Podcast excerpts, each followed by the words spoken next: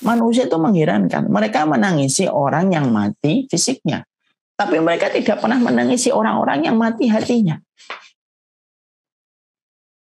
Inilah dampak ketika ke kelemahan iman kita kepada perkara-perkara gaib. Ya, jadi kemudian akhirnya apa? Kita cenderung menangisi orang yang mati fisiknya, tetapi tidak menangisi bagaimana matinya hati seseorang. Nah inilah yang kemudian menjadikan akhirnya kita uh, memahamkan. Ini loh yang kita khawatirkan. Yang kita khawatirkan itu bukanlah matinya. Yang kita khawatirkan itu bukanlah wafat dan ajalnya. Tetapi yang mengkhawatirkan kita itu apa? Yang mengkhawatirkan kita itu adalah bagaimana matinya hati seseorang sebelum jasadnya yang mati.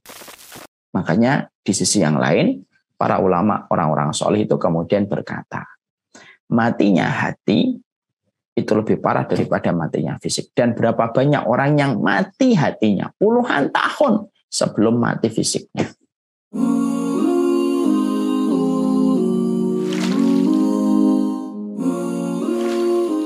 Mimbar TV, inspirasi surga.